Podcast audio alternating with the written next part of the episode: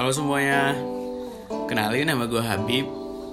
Gue berasal dari Padang, cuman gue sekarang lagi kuliah di Bogor.